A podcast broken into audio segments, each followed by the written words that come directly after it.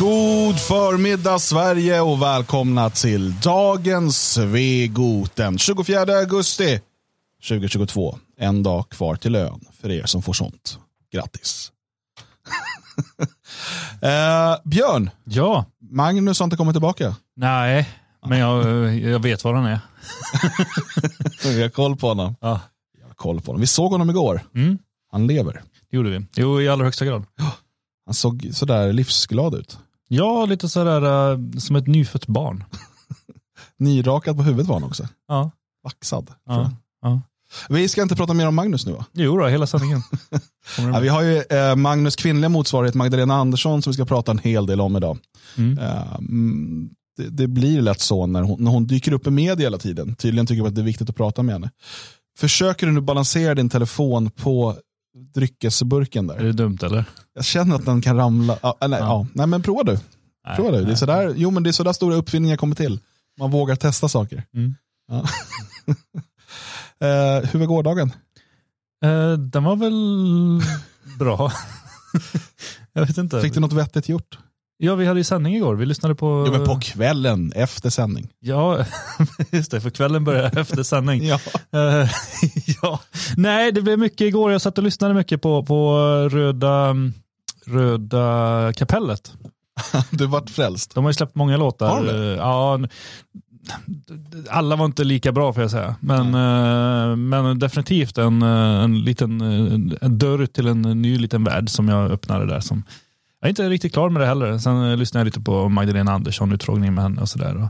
Mm. Lite sådana grejer. Ehm, Vad så hade Röda kapellet tyckt om Magdalena Andersson tror du? De hade ju inte älskat henne över allting annat, det kan jag ju säga. Eh, utan det var rakare och mer tydligt på den tiden. Sen så var ju, jag menar VPK var ju kända för att vara småborgare. Det, det vet ju alla som har lyssnat på till exempel Knutna nävar och sådär. Så att det, var ju, det, det finns ju olika steg ner i helvetet eh, och alla hade ju rätt på den tiden.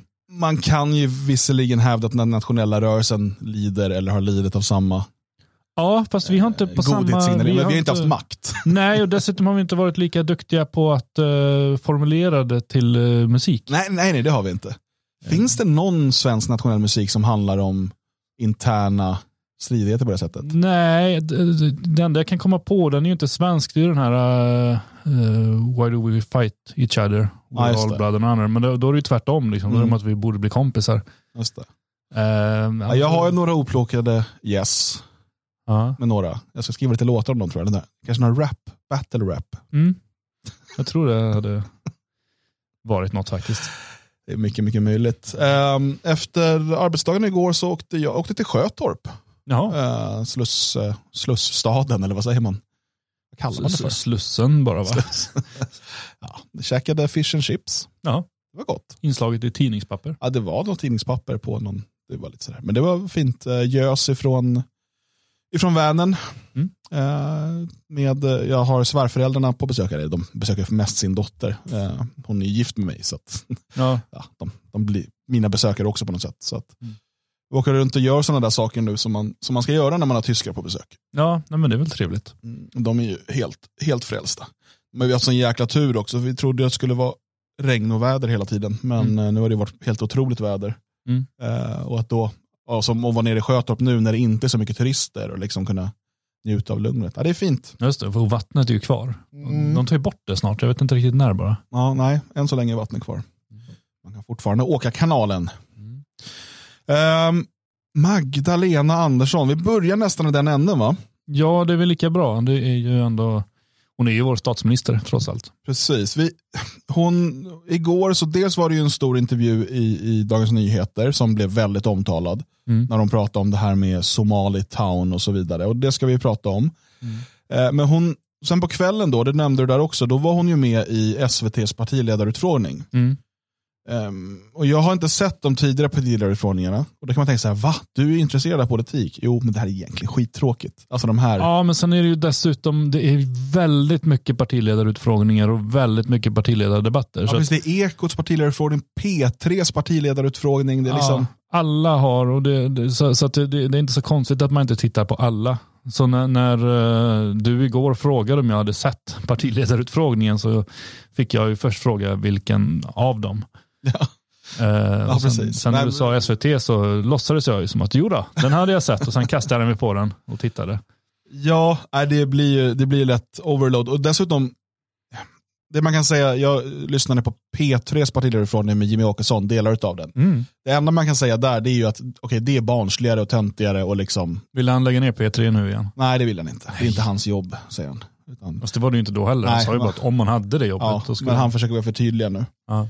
Men, och det är ju liksom David Druid och Kodjak och Lår och vad de nu heter. Och de är ju inte de politiskt mest insatta människorna. Alltså det, är ju inte särskilt roliga heller. nej, och man sitter och lite så här, du vet, skäm, skämskudde liksom. För de här frågorna är underligt ställda. eh, Lite och- som när Filip och Fredrik skulle ha valvaka om amerikanska valet. Och så de bara, "Ah, vem håller ni på? Bara, ja, men Demokraterna för de verkar snällast. Ja, är det... Jag, jag lyssnade på, jag tror att det var rockklassiker eller någonting i bilen på vägen hit idag. Mm. Då, då började han, eh, programledaren där, prata om, för det är Ukrainas självständighetsdag idag. Ja. Och det var, han bara, värna demokratin, skicka pansarskott. Man bara, Oj. Och så, han sa något så här, det var, idag är det också års, halvårsdagen på Rysslands terrorangrepp mot den fria demokratiska staten Ukraina. Va? Ja, här finns i alla fall inget eh, objektivitets... det, är också så här, det är ganska roligt eh, hur folk Ja, är- försöker lyfta upp Ukraina till att vara någon typ av lysande exempel på en fungerande demokrati när det liksom är ett av världens mest korrupta länder. Ja, och det blir ju tvärtom grej. Du- Alltså, USA brukar köra den propagandan, bara, de åker runt och så är det ju alltid som en slump de länder som är lite i, i, i luven på Israel. Och dessutom har ganska mycket olja och sådär. Det är alltid där USA är för att rädda demokratin, inte i andra platser. Och lite samma sak blir det här, att eh, Ja, nej, men det, det är nog för att eh, avskaffa dem, demokratin som Ryssland har gått in i Ukraina. Det, det var nog demokratin som stack i ögonen på dem. Mm. Och, eh, att de inte då stack till till exempel Finland, utan Mm. valde ut Ukraina som det bäst demokratiska exemplet de kunde hitta i världen. Ja. Det är dumt är det. Ja, det är väldigt, väldigt dumt. Ja, den här, och den här partiledarutfrågningen, det, det blir också dumt. För att det är som vanligt, eh, Magdalena svarar väldigt sällan på det hon blir, liksom, när de frågar om. Ja, De, men jag har sällan varit med om någon som slingrar sig nog så jävla... Vilken Ja. orm! Ja, nej. Och, och dessutom, det finns ju, för jag, jag tänker, jag kollade i stort sett bara, sen scrollade jag igenom den första delen om gängbrottslighet, så jag känner att det var mest intressant för oss här. Mm. Eh, och där återkommer hon hela tiden till hur de har stramat åt invandringen. Oh ja. Men där, och där är det, den vet man ju att hon kommer svara. För Mm. det är standardsvar från henne. Ja. Att då inte eh, journalisterna är pålästa och så här, men vänta nu. Kolla på de här siffrorna, invandringen är ju massiv efter 2015. Mm. Nu skulle det vara som att de skulle, alltså jag förstår ju att de också har en agenda, de här journalisterna, och att det inte passar in i den agendan. Men att de får komma undan med det där påståendet gång på gång på gång och sitta där.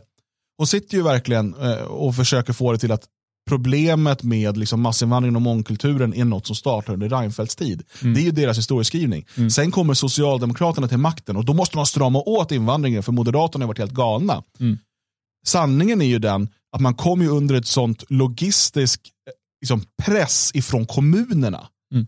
2015 som inte hade plats för folk. Det var ju det det handlade om. Stefan Löfven stod ju bara några månader innan man gjorde den här ändringen. Eh, som alltså fortfarande är en väldigt generös invandringspolitik. Oh ja. Så står han ju på Medborgarplatsen och ropar mitt Sverige bygger inga murar. Och, och signalen var alla som vill ska få komma hit. Ja.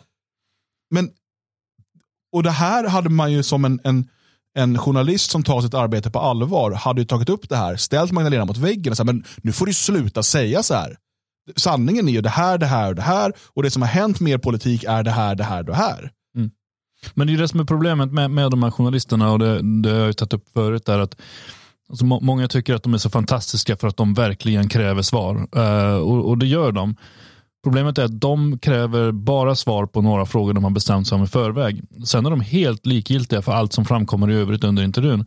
Det är därför de blir ganska aggressiva och ganska på hela tiden och avbryter när de märker att nu svävar det iväg, nu, nu håller de på att svara på någonting annat, nu ser de andra saker. Då går de ju ständigt tillbaka. Bara, jo men hallå, nu är det det här vi pratar om.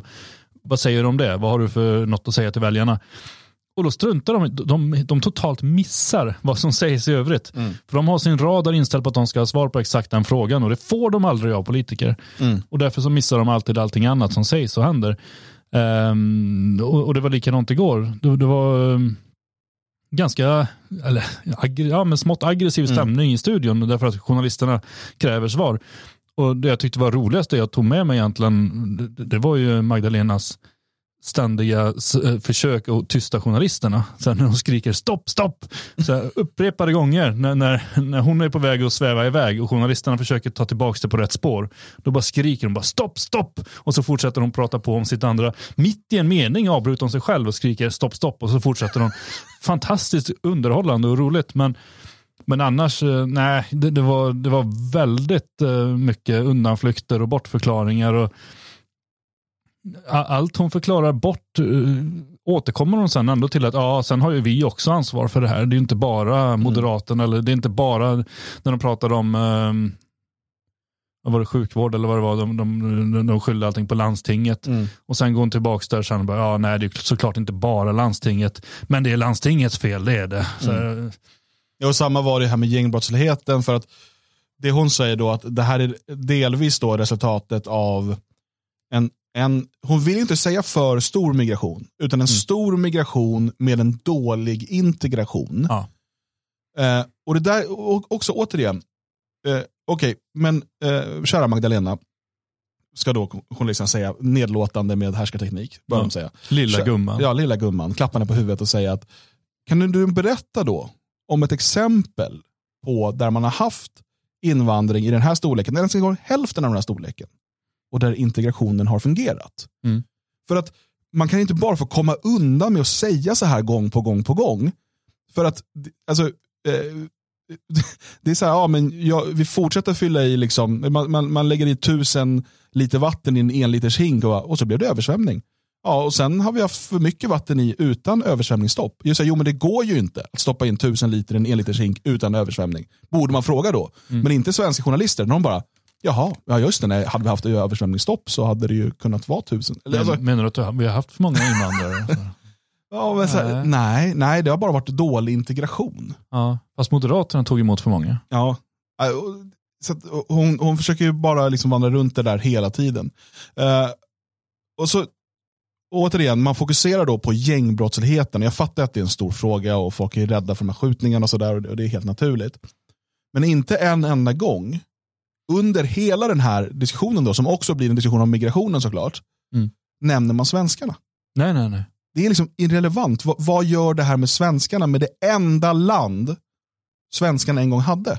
Mm. Vad, vad, hur förändras det? Det är ju det viktiga här. Inte huruvida liksom 250 araber har skjutit ihjäl varandra de senaste fem åren. Nej. Alltså det, det, det är tråkigt för dem.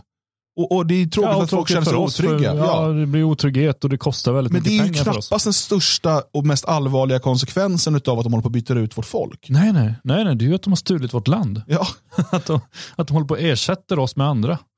Och, och sen så då, Sverige ligger i topp när det gäller gängskjutningar och sådär. Och per capita är vi helt överlägsna i, i EU. Ja, där kan man ringa och slå oss på fingrarna. Inte. Nej.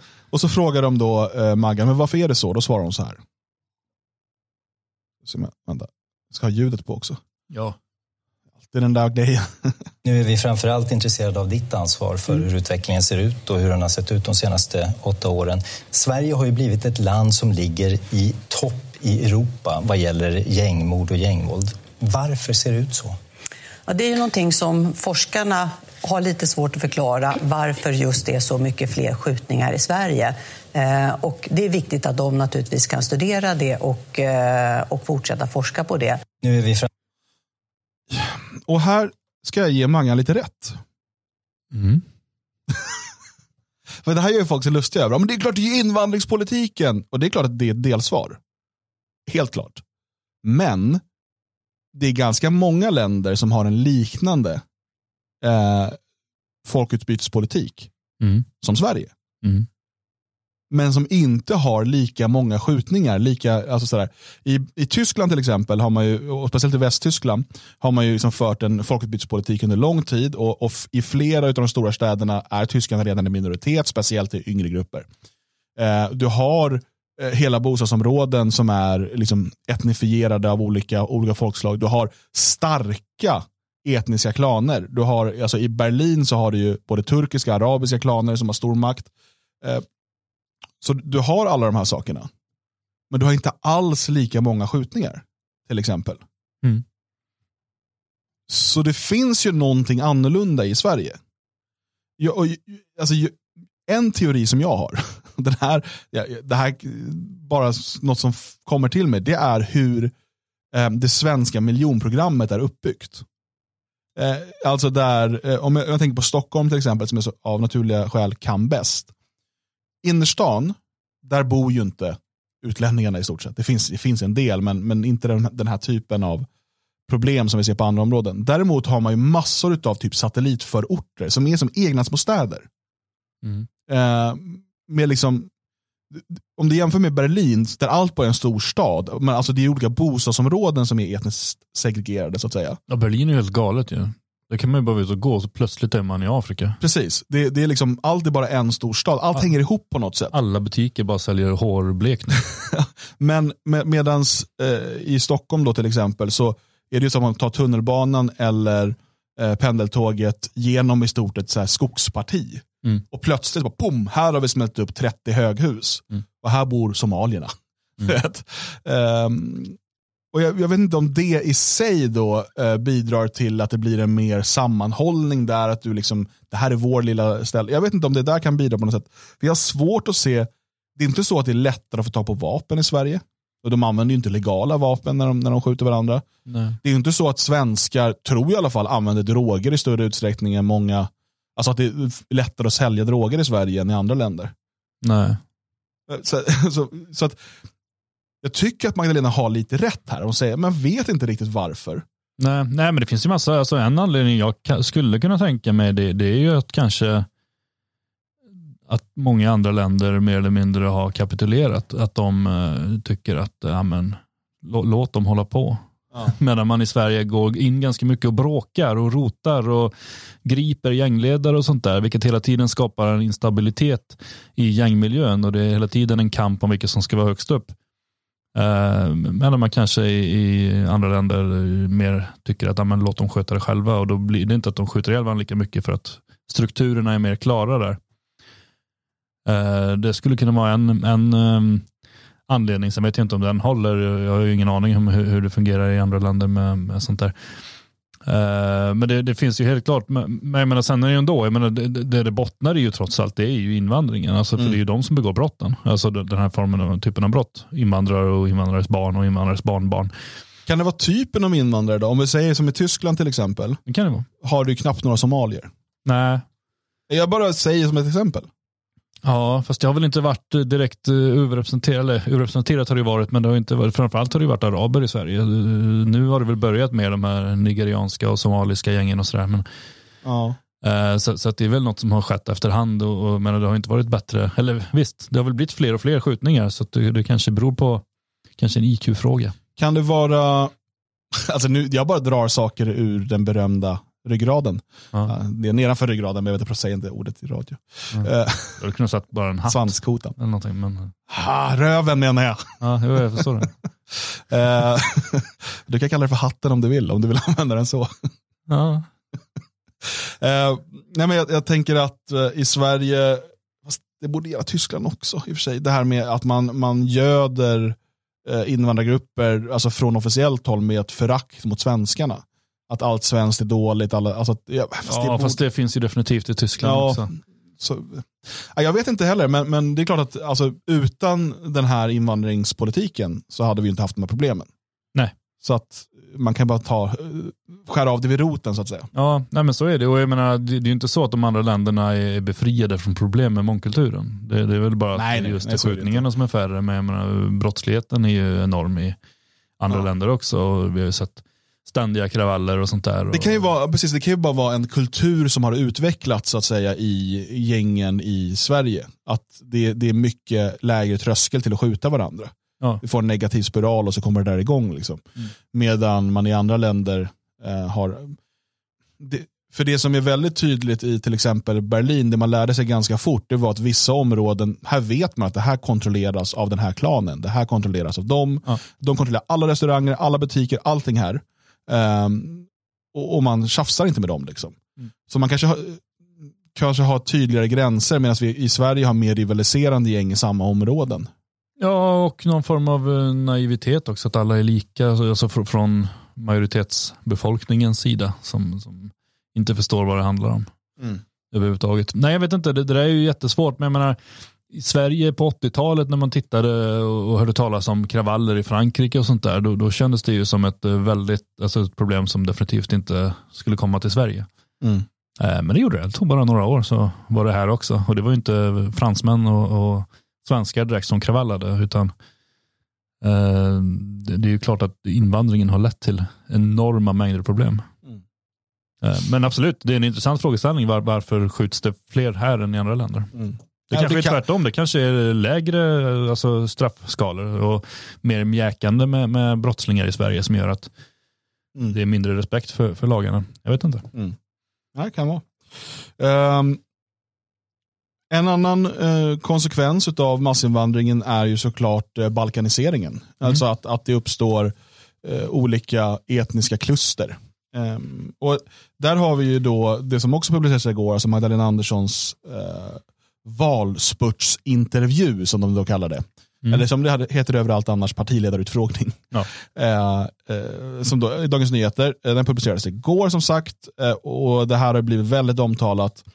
Eh, det uttalande som hon gör om just det här. Då. Och det är med anledning av Ygemans tal om att det inte bör vara eh, eller man ska, i de här utsatta områdena så vill man ha minst 50% födda inom Norden. Mm. Vilket ju löser sig självt om de bara låter det vänta en generation. så. Ja. det är inte så. så bara, nu har vi nått målen. Så, men löste det något? Nej, vi har nått målen. Då berodde det inte på det. då provar vi något nytt då. Vad tror ni om pizza? Eh, och eh, det som, eh, som Magdalena Andersson ehm, säger här då, mm. Eh, det är ju så här. Vi kan ju inte tvångsförflytta människor. Det är ingenting som Anders Ygeman har föreslagit. Men däremot vill vi se mer blandade områden. Vi vill att svenska ska vara det naturliga språket i hela Sverige. Det finns olika sätt att arbeta för det. Ett sätt är till exempel, som man gjort framgångsrikt i en del kommuner, att bygga mer attraktiva bostadsrätter i miljonprogramsområden så, du får, så får du en mer blandad befolkning. Och Sen säger hon att hon är emot etniska kluster. Då. Eh, säger hon, det är inte min ambition för Sverige, utan det är att vi ska bo blandat. Det ska talas svenska i alla bostadsområden och att svensk jämställdhet ska gälla överallt. Och sen fortsätter den här diskussionen, eh, hon sätter problem med segregationen och de säger så här, men vad spelar det för roll var man är född någonstans på var man sedan bosätter sig. Uh, just det, för det här tycker jag är intressant också, för hon säger då, först så här, det är ett väldigt stort problem med segregation idag, att människor som kommer från andra världsdelar klumpas ihop i samma bostadsområden där alldeles för få talar svenska. De klumpas ihop. Ah, ja. Och då säger jag så här, men vad spelar det för roll var jag är född? Då säger hon så här, vi vill inte ha Chinatowns i Sverige. Vi vill inte ha Somalitown eller Little Italy. Vi ska bo blandat med de olika erfarenheter som vi har. Vår utgångspunkt är ett samhälle där man lever tillsammans med olika bakgrund, olika erfarenheter och olika inkomster och möts. Mm. Det är så vi blir ett sammanhållet samhälle. Mm. Vi, vi bara börjar med det här då. Att människor som kommer från andra världsdelar klumpas ihop. Mm. Är det så det funkar alltså? Alltså att det kommer människor till Sverige. På Arlanda säger vi landar, ja. 30 somalier. Bara, ja. Ni är alla somalier. Kom istället, klumpa ihop er här och så lägger vi er i det här bostadsområdet. Ja. Det står en vakt och säger höger, en vänster. En hopklumpare. Ja. Högsta klumpansvarig. Så, så fungerar det. Så fungerar det absolut. Klump. Eh, men det samhället hon beskriver där, när man bor tillsammans, olika folkgrupper och sådär, det, är ju, det är ju som vi såg i Dagens Nyheter, där, det var ju typ så Rinkeby såg ut. Ja, just det. Eh, det var ju så det var 93-94 någonstans. Mm. När, när det förvisso rapporterades om mycket problem med de områdena. Men det var ju så det var då. Och det är ju så man tänker sig hela Sverige nu. Ja, och det gick ju väldigt bra på den tiden. Eh, Men, men det här, vi vill inte ha Chinatown Sverige, vi vill inte ha Somalitown eller Little Italy. Vi ska bo blandat med de olika erfarenheter som vi har. Mm. Det är alltså inte mångkultur hon vill ha. Alltså mångkultur är väl just det. Att det finns en massa olika kulturer, de är särpräglade. Ja, men hon tänker, sig att, eh, hon tänker sig att alla bor uh, ihop. Uh, Så det får typ behåller- inte finnas fler än två Kina-restauranger på en och samma gata. Alltså jag menar hur, det är så himla, jag förstår inte riktigt hur det här i praktiken ska liksom göras. För att, vi säger så här, om vi nu måste ha det här mångkulturella landet med liksom eh, massa olika folk från hela världen som bor här. Om det nu ska vara så, förutsätter det för diskussionens skull. Mm. då tycker väl jag att det är bättre att du har Somalitown, Little Italy och så vidare. Som du då, om du någon, av någon anledning vill besöka den kulturen, ta del av den kulturen, handla i den typen av butiker och så vidare. Då kan du åka till Little Italy och handla din eh, oregano. som du inte ska få på Konsum tydligen. Mm. Ja, än att, jag förstår vad, eller menar hon så här, nej men vi ska alla, för det, det jag ser framför mig hela tiden och det som jag har varit min kritik mot den här mångkulturella idén under lång tid, det är ju att de vill ju inte att vi ska behålla våra ursprungliga kulturer, utan vi ska gå upp i någon ny globaliserad, kosmopolitisk icke-kultur utav liksom McDonalds-ätande, Starbucks-drickande och så vidare. Mm. Som, som, är, som, som är en antikultur. Mm. Men vi ska blandas. Ja. Alla ska bara blandas och blanda bort sitt ursprung och sin identitet och gå upp i någon ny då, den nya svenska identiteten som egentligen bara är att svär trohet till Socialdemokraternas värdegrund. Ja, nej, men så är det ju. Så är det ju eh, verkligen. För att när de här politikerna talar om mångkultur så menar de ju alltså ett multietniskt samhälle, inte ett multikulturellt. Nej, för att, Eh. att just att ha Little Italy, Somalitown och så vidare, det skulle man kunna säga är mångkulturellt. För att du kan då åka till en stadsdel som påminner mer, där där det råder en annan kultur. Mm. Sen tycker, Ja, jag. Jag, sen tycker jag fortfarande inte att det är en bra idé, men om vi ändå ska ha det, så är det väl det som ska vara i sådana fall. Istället ska man då ha någon jävla, eh, liksom, i förlängningen någon typ av kvoteringssystem där det bara ska vara liksom varannan svart, gul, vit, röd. Va? Och sen så, ja, nu är det lite för mycket Kina-fokus på den här gatan. Eh, Nu måste vi öppna en kebab. Ja. Eh, eller ett McDonalds. ja, eller så, ja, precis. Men, men eh, å- å- återigen, ingenstans i den här intervjun, när man pratar om det här, så pratar man om det som faktiskt borde spela roll. Svenskarna. nej, nej.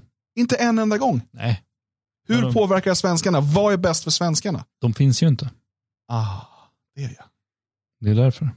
Ja, nej men det, det överhuvudtaget så är ju inte politikerna intresserade av svenskarna. Det, det, utan de har gått från att se invandrare och invandring som en enorm resurs till att plötsligt nu börja inse att det här är ett stort bekymmer. Det är ett problem.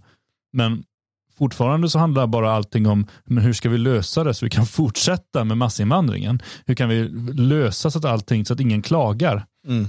Eh, och Det är väl klart att den, den våta drömmen för en sån som Magdalena det är väl att byta ut hela folket så att det inte finns några vita människor kvar. Mm. Då kommer ingen klaga.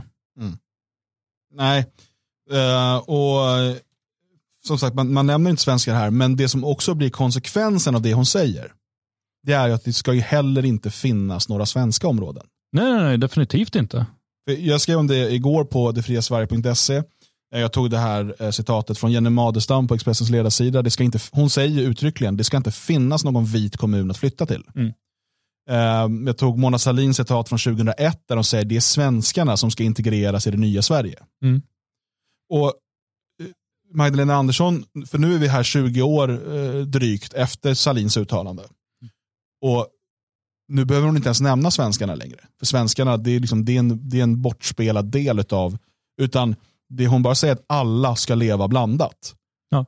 Men hon pratar inte ens om svenskarna. För det kan hon inte göra, för då gräver hon in sig i ett hörn där hon måste definiera vem som är svensk. Mm. Och de har ju he, liksom, från att ha gått, menar, om du tittar på eh, grundlagsändringen 75 och du tittar på de här, då, pratar, då finns det ju fortfarande svenskar. Oh ja. Man, är tydlig, man vet att det finns ett svenskt folk och sen finns det invandrare från, alla, från olika. Och det är liksom det som också lägger grunden till att Sverige ska bli en mångkultur eller flerkultur som man pratar om då det är ju att de här invandrarna ska kunna få behålla sin identitet, sin kultur, sin religion och staten ska gå in och, och stödja det. Mm. För att de är inte svenskar. och, och, Det är samma sak med vår minoritetslagstiftning. Eh, där vi har våra nationella minoriteter, samer, judar, romer, tornedalingar och mm. något mer som jag alltid glömmer bort. Skit i det. det var säkert lite viktigt. Eh, och då är det just för att de inte är svenskar. Det liksom regleras i lag så att de ska kunna eh, få hjälp och få eh, information på sitt språk och det ska anpassas till deras kultur. Vet, men fan ta den som säger att de inte är svenskar. ja, det, det, det, är den här dubbeln.